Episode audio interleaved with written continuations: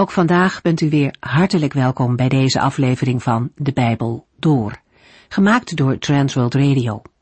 Voor meer informatie kijkt u dan op onze website transworldradio.nl.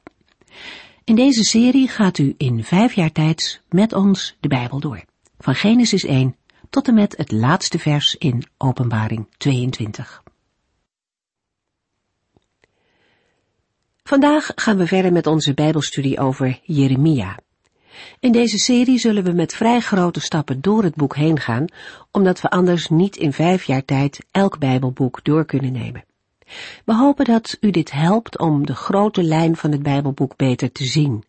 Met vragen kunt u trouwens altijd bij ons terecht. We staan u graag te woord. Kijkt u ook op onze website transworldradio.nl. In het eerste hoofdstuk van Jeremia lezen we dat de Heere hem uitgekozen heeft om profeet te worden. Jeremia groeide op in een priestergezin met eerbied en ontzag voor de Heere. Terwijl veel gelovigen het allemaal niet zo nauw meer namen met Gods geboden, bleef deze jonge man trouw. Zijn naam betekent waarschijnlijk mogen de Heer verhogen. Jeremia heeft zo'n veertig jaar geprofeteerd. Hij ontving zijn roeping tijdens het koningschap van koning Josia. De Heere had hem echter al veel eerder op het oog, zelfs nog voordat hij geboren was. En toen de Heere Jeremia riep, stond deze man nog niet te trappelen om profeet te worden. Hij vond zichzelf helemaal niet geschikt. En dat zei hij ook tegen de Heere. Maar de Heere bemoedigde hem. Hij beloofde bij hem te zijn en hem te beschermen.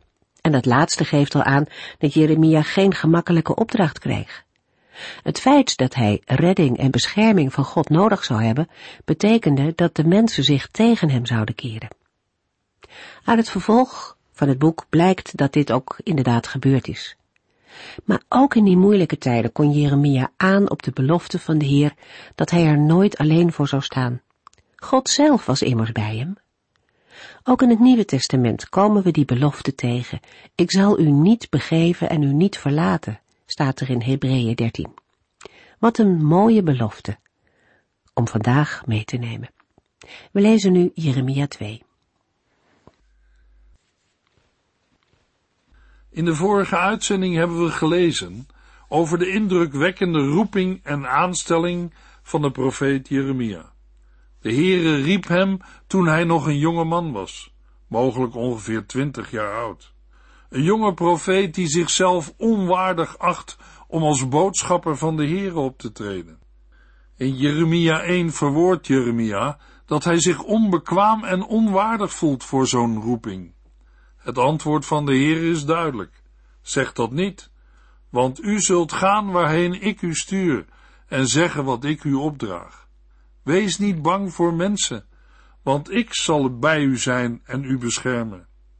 De Heere raakte daarna de lippen en mond van Jeremia aan en zei, Kijk, ik heb mijn woorden in uw mond gelegd.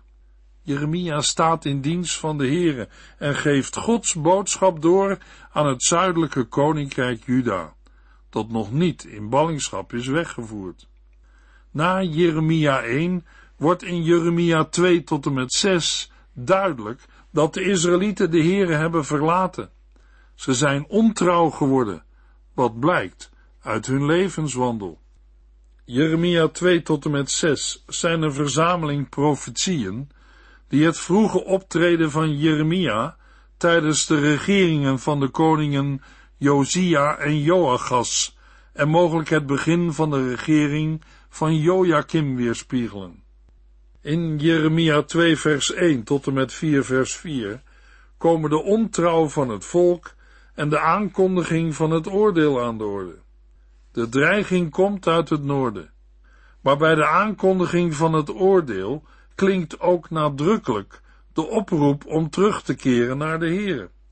De ernst van de boodschap die Jeremia namens de Heere moet doorgeven, wordt met alle mogelijke beelden onderstreept.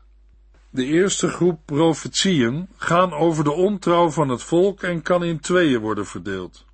Het eerste gedeelte, Jeremia 2 vers 1 tot en met 37, verwoordt een profetische aanklacht. Het tweede gedeelte, Jeremia 3 vers 1 tot en met 4 vers 2, een oproep tot bekering. Jeremia 2 vers 1 tot en met 3 en Jeremia 4 vers 3 en 4 vormen daarbij een kader.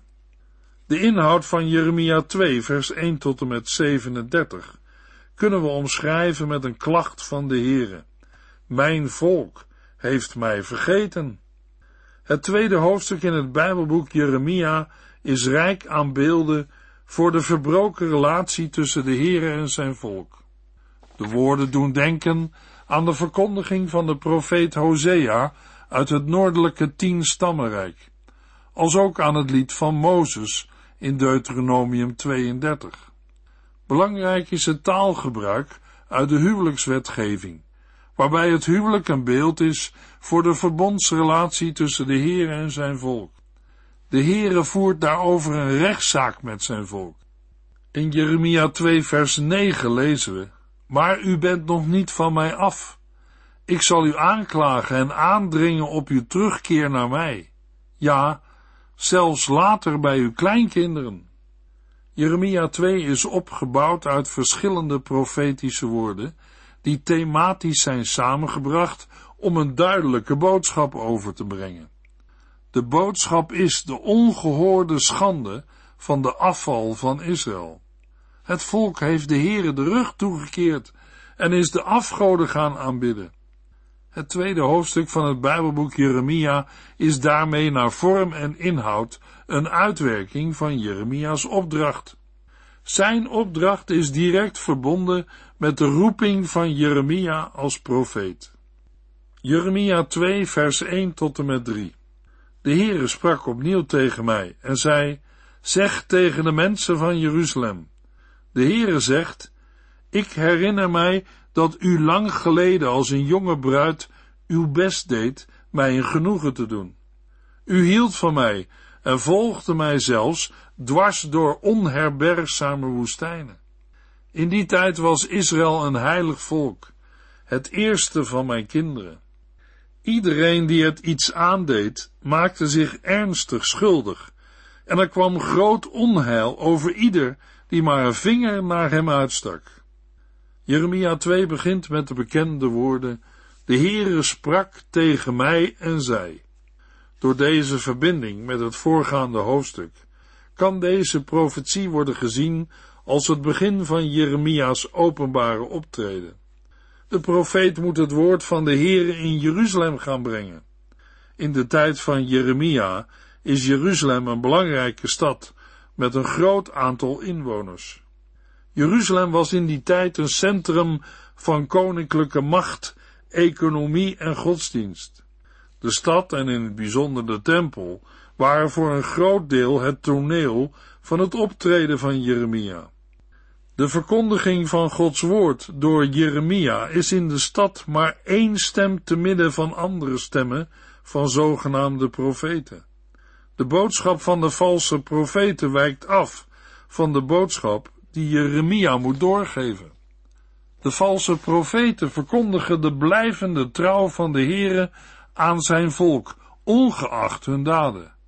Maar dat is niet wat Jeremia verkondigt. De verkondiging van Jeremia begint met herinneringen van de Heere. Ik herinner mij dat u lang geleden als een jonge bruid uw best deed mij een genoegen te doen. Gods herinnering voert terug naar de tijd van het volk Israël in de woestijn. Het daar gesloten verbond wordt voorgesteld als een huwelijk tussen de Heere en het nog jonge volk Israël. Het is het beeld dat in Jeremia 2 vers 1 tot en met 4 vers 4 centraal staat. De Heere herinnert zich uit die tijd de trouw en liefde van zijn volk. De trouw en liefde bleek uit het feit dat Israël de Heere volgde, zelfs dwars door onherbergzame woestijnen. Deze toewijding van de kant van het volk is passend, omdat het volk aan de Heere is gewijd. Door de verbondsrelatie met God is Israël heilig. Het volk is door de Heere voor hem afgezonderd. Deze speciale relatie wordt uitgedrukt in termen van de wet van de eerstelingen, waarin wordt bepaald dat de eerste opbrengst van de oogst voor de Heer is. Zoals de eerstelingen voor de Heere apart gezet zijn, aan hem zijn gewijd. Zo is ook het volk Israël, het eerste van mijn kinderen. De Heere zorgde voor hen als een vader voor zijn kinderen. Iedereen die het iets aandeed, maakte zich ernstig schuldig en er kwam groot onheil over ieder die maar één vinger naar hem uitstak. De rest van Jeremia 2 vormt een scherpe tegenstelling met de eerste drie versen. In de eerste drie versen werd het verleden beschreven, maar in het vervolg wordt het volk in het heden aangeklaagd. Waarom keerde Israël de Heere de rug toe? Waarom aanbaden zij afgodsbeelden? Waarom veranderden zij in nietsnutten? De Hebreeuwse woorden zijn uitdrukking van huwelijkse ontrouw. Hoewel de Heere nog denkt aan zijn verbondsrelatie, blijkt dat zijn volk hem is vergeten. Dat Israël heilig is door de relatie met de Heere betekent ook dat het volk zich ontheiligt door de relatie te verbreken. Zo heeft het volk de Heere verlaten en daardoor kan het ongestraft worden aangevallen door andere volken. Toch heeft het gedenken van de Heere niet alleen betrekking op het verleden, maar moet samen gelezen worden met de oproep om terug te keren tot Hem. Jeremia 2, vers 4 tot en met 9. Och Israël, zegt de Heere, waarom keerden uw voorouders mij de rug toe? Welk onrecht vonden zij in mij dat ze zich van mij afkeerden, afgodsbeelden aanbaden en veranderden in nietsnutten? Zij dachten er niet meer aan dat ik, de Heere, hen veilig uit Egypte had gehaald en hen door de barre wildernis had geleid, een land van rotsen en woestijnen, van droogte en dood, waar niemand woont of zelfs maar doorheen reist.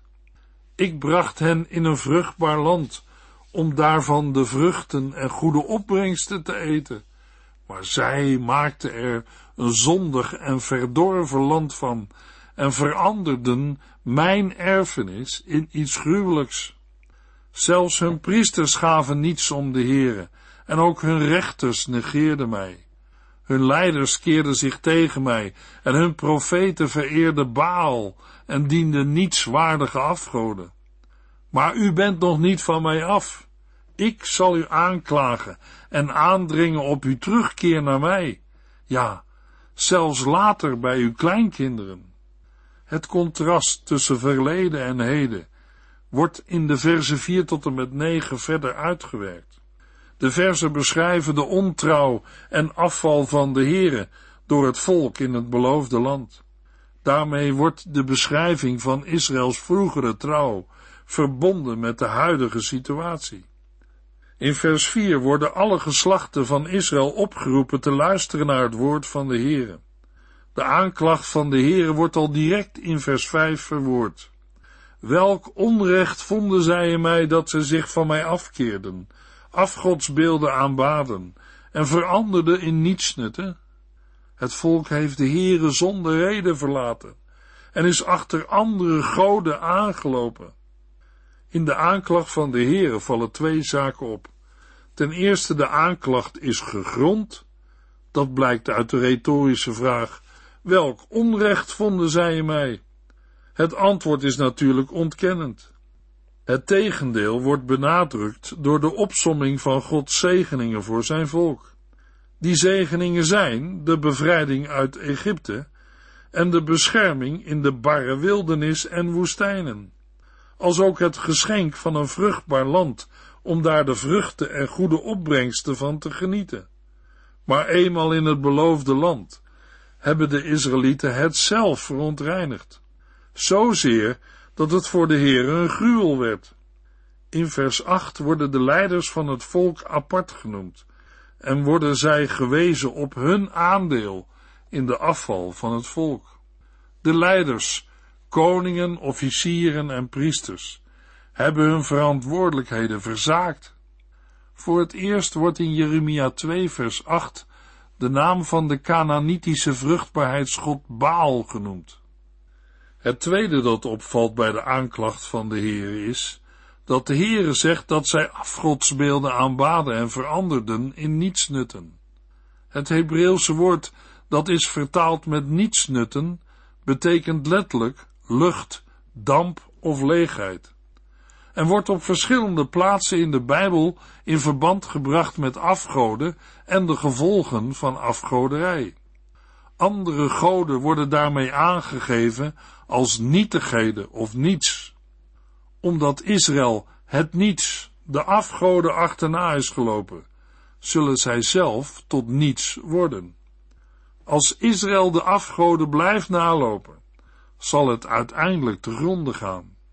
Met het afdwalen van de Here verliest het volk ook de oriëntatie op de waarheid en morele kompas. Luisteraar, alles wat Israël is overkomen, is ook een les voor ons. Ook wij moeten niet naar slechte dingen verlangen, zoals Israël. De Heere zegt in vers 9 tegen zijn volk, maar u bent nog niet van mij af. Ik zal u aanklagen en aandringen op uw terugkeer naar mij. Ja, zelfs later bij uw kleinkinderen. De rechtszaak van de Heere met zijn volk strekt zich uit vanaf hun voorouders tot aan hun kleinkinderen. De vierde generatie, als de voorouders of vaderen worden meegerekend. Dit correspondeert met de verbondsverantwoordelijkheid van het volk. Die verantwoordelijkheid strekt zich uit over deze generaties. Jeremia 2, vers 10 tot en met 13.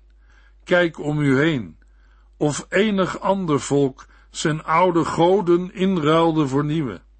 Zelfs al zijn dat geen echte goden. Stuur mensen naar Cyprus in het westen en naar Kedar in het oosten. Vraag daar maar of zoiets ooit eerder is gebeurd. En toch heeft mijn volk zijn machtige God opgegeven voor een stelletje stomme afgoden. De hemel is geschokt door zo'n daad en huivert van afschuw. Want mijn volk heeft zich schuldig gemaakt aan twee zonden.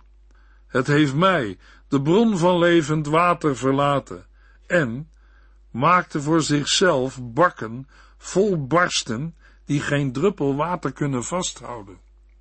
Voor de dubbele aanklacht uit het vorige gedeelte worden in de versen 10 tot en met 13 door de Heere zelf twee getuigen opgeroepen.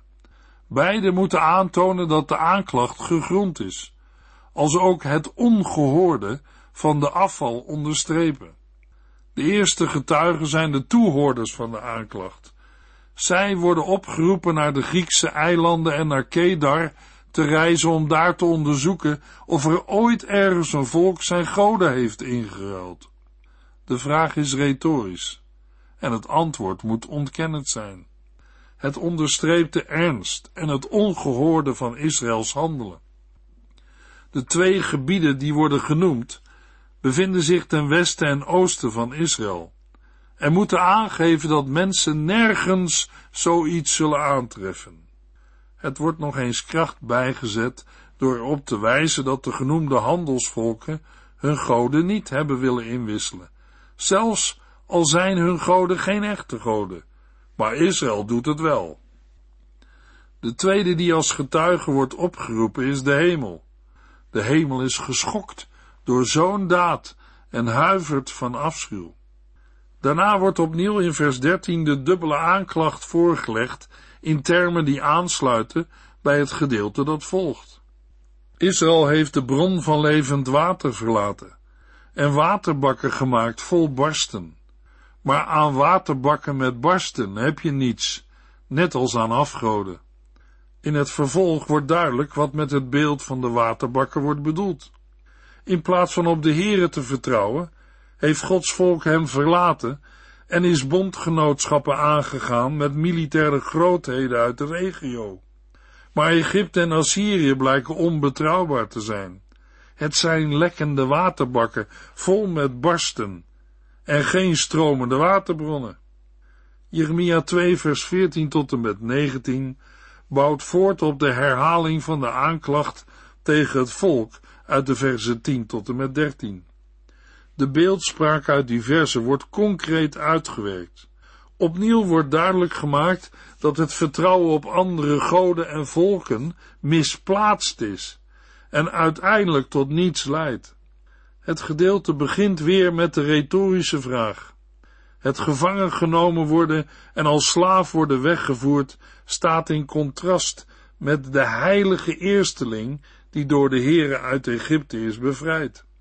De hoorders van Jeremia zullen direct op beide mogelijkheden ontkennend antwoorden. Maar de profeet schudt hen wakker uit hun inbeelding met de vraag waarom Israël dan wel een hulpeloze prooi is voor zijn vijanden. De vijanden hebben het land tot een woestenij gemaakt en Israëls steden plat gebrand en ontvolkt. De vijanden worden in vers 16 aangeduid met de namen van twee Egyptische steden. Daarvan is de achtergrond niet duidelijk. Duidelijk is wel dat Jeremia de huidige realiteit van het volk wil beschrijven, wat in scherp contrast staat met hun zelfbeeld. Vandaar de woorden van Jeremia in vers 17.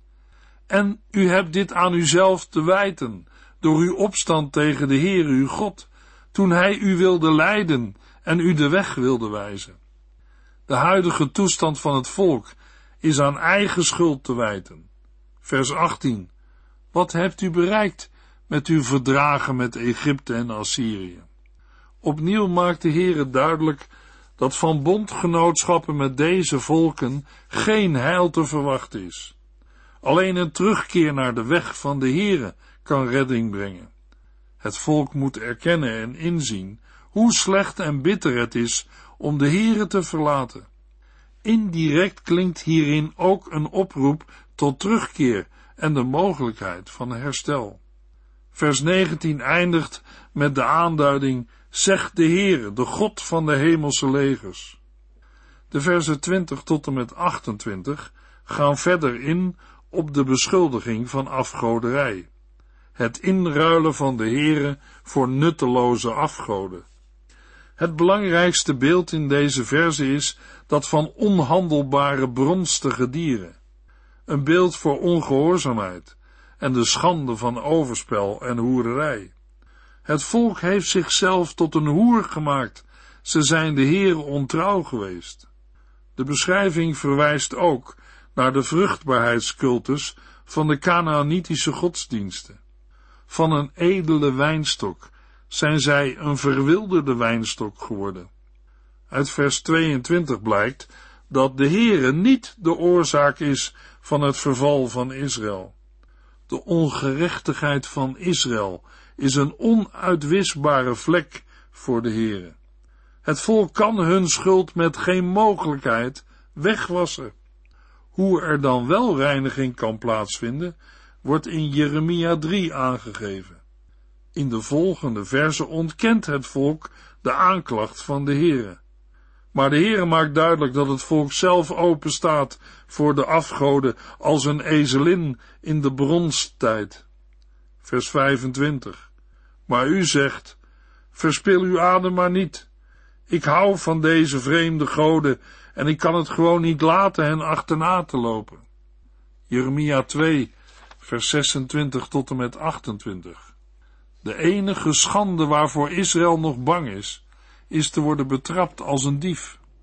Koningen, ambtenaren, priesters en profeten, voor allen geldt hetzelfde. Zij noemen een bewerkt stuk hout hun vader en hun moeder is een bewerkt stuk steen. Ze hebben mij de rug toegekeerd. Maar als er moeilijkheden komen, roepen zij mij opeens te hulp. Waarom roept u dan ook niet naar die goden die u hebt gemaakt? Als het gevaarlijk wordt, laten zij u dan redden als zij kunnen. Want, Juda, u hebt net zoveel goden als er steden bij u zijn. De afgoderij, dwaling en verwarring zijn door het hele volk verspreid en worden actief gepropageerd door leiders, intellectuelen en geestelijken. Het volk heeft zijn machtige God opgegeven voor een stelletje stomme afgoden. Het erkennen van die schande is nodig voor de terugkeer naar de Heere. Zo hebben de Israëlieten zich van de Heere afgekeerd, die hun vader is en de rots die hen heeft verwekt. Alleen in tijd van nood roepen zij tot de Heere. De ironische lading van de gelezen woorden is duidelijk. Gods volk is de Heere vergeten. Dat wordt ook duidelijk gemaakt in Jeremia 2, vers 29 tot en met 32. In Jeremia 2, vers 31 en 32 lezen we de klacht van de Heer. Waarom zegt mijn volk dan, eindelijk zijn we van God bevrijd. We willen nooit meer iets met hem te maken hebben. Waarom verbreekt u zo alle relaties met uw God? Vergeet een meisje soms haar sieraden en zal een bruid haar bruidsjurk willen verstoppen? Maar mijn volk heeft mij al lang vergeten, het kostbaarste van al zijn schatten. De grond voor de aanklacht van het volk tegen de Heer wordt niet genoemd. Mogelijk dat het uitblijven van Gods reddend handelen de reden is. Maar de aanklacht van het volk is ongegrond. Niet de Heer is ontrouw geweest, maar zijn hele volk is tegen hem in opstand gekomen. Zij wilden de Heer niet gehoorzamen, en zij hebben zijn profeten gedood. Desondanks klinkt voor de huidige generatie opnieuw het woord van de Heere door de mond van Jeremia. Waarom zegt Gods volk dat het vrij wil rondzwerven, ongebonden wil zijn en niet meer naar de Heere wil terugkeren? De vraag of een bruid haar sieraden en bruidsjurk zal vergeten, moet uiteraard ontkennend worden beantwoord. In Jeremia 2, vers 33 tot en met 37 wordt nog een keer de afvalligheid van het volk samengevat. Voordat het perspectief in Jeremia 3 verschuift naar de mogelijkheid van terugkeer naar de Here. Inhoudelijk komt het gedeelte sterk overeen met Jeremia 2, vers 14 tot en met 26. Het volk is bedreven geraakt in het zoeken van verdorven liefde, op wegen van overspel en afgoderij. Ze weten niet meer wat goed en kwaad is. Hun kleding is besmeurd met bloed van onschuldigen en armen, en toch beweren ze onschuldig te zijn. Opnieuw maakt de Heere duidelijk dat het volk met het vertrouwen op aardse politieke machten bedrogen uit zal komen. God bestuurt het wereldgebeuren. Laten ook wij ons dat goed realiseren. In de volgende uitzending lezen we Jeremia 3. U heeft geluisterd naar De Bijbel Door. In het Nederlands vertaald en bewerkt door Transworld Radio. Een programma waarin we in vijf jaar tijd de hele Bijbel doorgaan. Als u wilt reageren op deze uitzending of u heeft vragen, dan kunt u contact met ons opnemen. Tijdens kantooruren kunt u bellen op 0342 47 8432. 0342 47 8432. Ook kunt u een e-mail sturen naar de Bijbel door at transworldradio.nl en natuurlijk kunt u ook via de post ons bereiken. TWR, postbus 371, postcode 3770, AJ in Barneveld. Dit programma werd gepresenteerd door Cor Weda en Ike André. Techniek was in handen van Odin van Voerkom. En wij allemaal bedanken u voor het luisteren. Graag tot de volgende keer.